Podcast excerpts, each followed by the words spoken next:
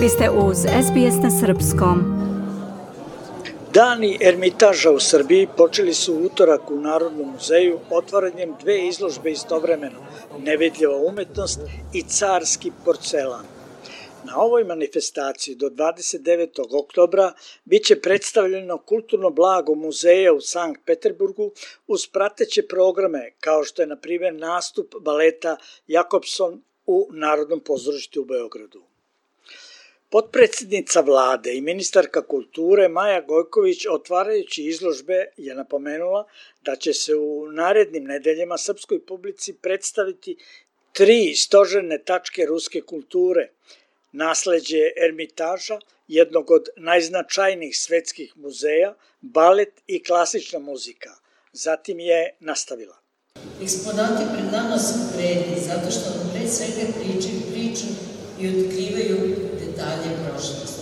Istovremeno, šoljice, tanjiri, vaze, mnogi predmeti koji su koristili ruski monarci nisu samo luksusni predmeti za svakodnevnu upotrebu, već svaki od ovih vrednih muzejskih komada svetočasa su umetnički stilova te epohe, nivoa industrijskog razvoja, kao i ključnih ideja u društvu toga vremena. Istovremeno, Posebno mi je zadovoljstvo što dan Ermitaža u godini našeg važnog jubileja jednog veka klasičnog srpskog baleta, u čijem stvaranju su ruski umetnici imali značajnu utice, donosi svojevrsnu umetničku radu života za sve ljubitelje baletske umetnosti. Zamenica direktora Ermitaža Svetlana Adaksina ukazala je da je projekat omogućen zahvaljujući Ministarstvu kulture Srbije, Narodnom muzeju, Ermitaža i kompanije Gazprom Njeft. Danas prikazujemo dve izložbe, Nevidljiva umetnost i Carski porcelan. Prva izložba je rezultat inkluzivne izložbe za slabovidne osobe.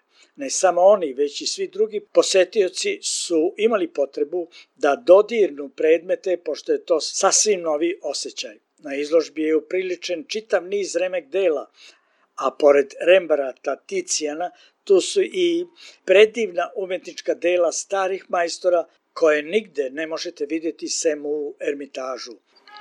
Kazala je Svetlana Adaskina i dodala da izložba posvećena porcelanu privlači veliku pažnju posetilaca.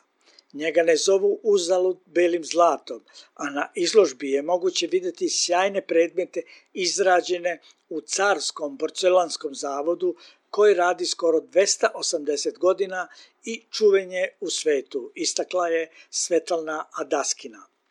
Direktorka Narodnog muzeja Srbije Bojana Borić-Brešković izrazila je zadovoljstvo što su pred publikom izložbe koje omogućavaju nove uvide i doživljaje posetiocima da bukvalno dotaknu istoriju, da dodirnu drevne freske, starinske ćilime i druge predmete. Svečanosti u Narodnom muzeju Srbije prisustovala je potpredsednica vlade i ministarka kulture Maja Gojković, ministar za rad, zapošljavanje, boračka i socijalna pitanja Nikola Selaković, ambasador Rusije u Srbiji Aleksandar Bocan-Harčenko i drugi uvaženi gosti. Iz Beograda za SBS Hranislav Nikolić. Želite da čujete još priča poput ove? Slušajte nas na Apple Podcast, Google Podcast, Spotify ili odakle god slušate podcast.